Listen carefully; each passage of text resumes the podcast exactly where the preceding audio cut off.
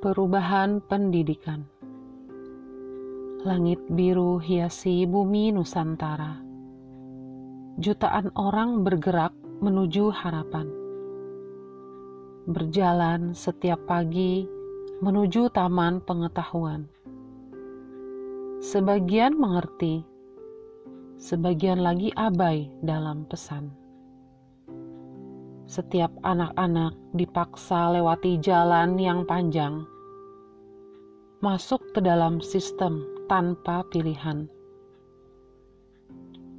Hidup dalam bayang-bayang cahaya pengetahuan yang dikuasai oleh segelintir orang gila kekuasaan. Para sarjana sibuk antri demi sebuah lamaran semua kesempatan dicoba tanpa makna menjiwai.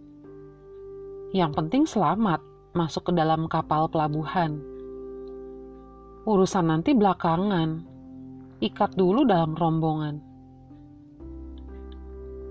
Kapal berlabuh, badai menghadang. Awak kapal panik tak bertepi, melompat ke dasar lautan menjadi opsi rasa frustasi. Semua akan kembali lagi dalam pencarian, mengulang pola yang sama.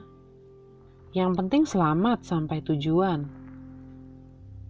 Itulah bahaya pendidikan yang sudah dikendalikan.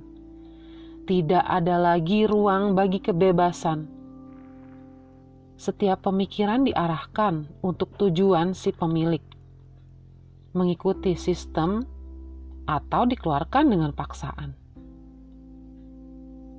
Bangsa yang besar berdiri di atas kaki sendiri, tidak terbelenggu sistem hierarki masa lalu. Pendidikan yang besar hasilkan pemikiran yang besar, bukan orang yang kerdil dalam pemikiran jika terus begini, mau dibawa ke mana bangsa ini?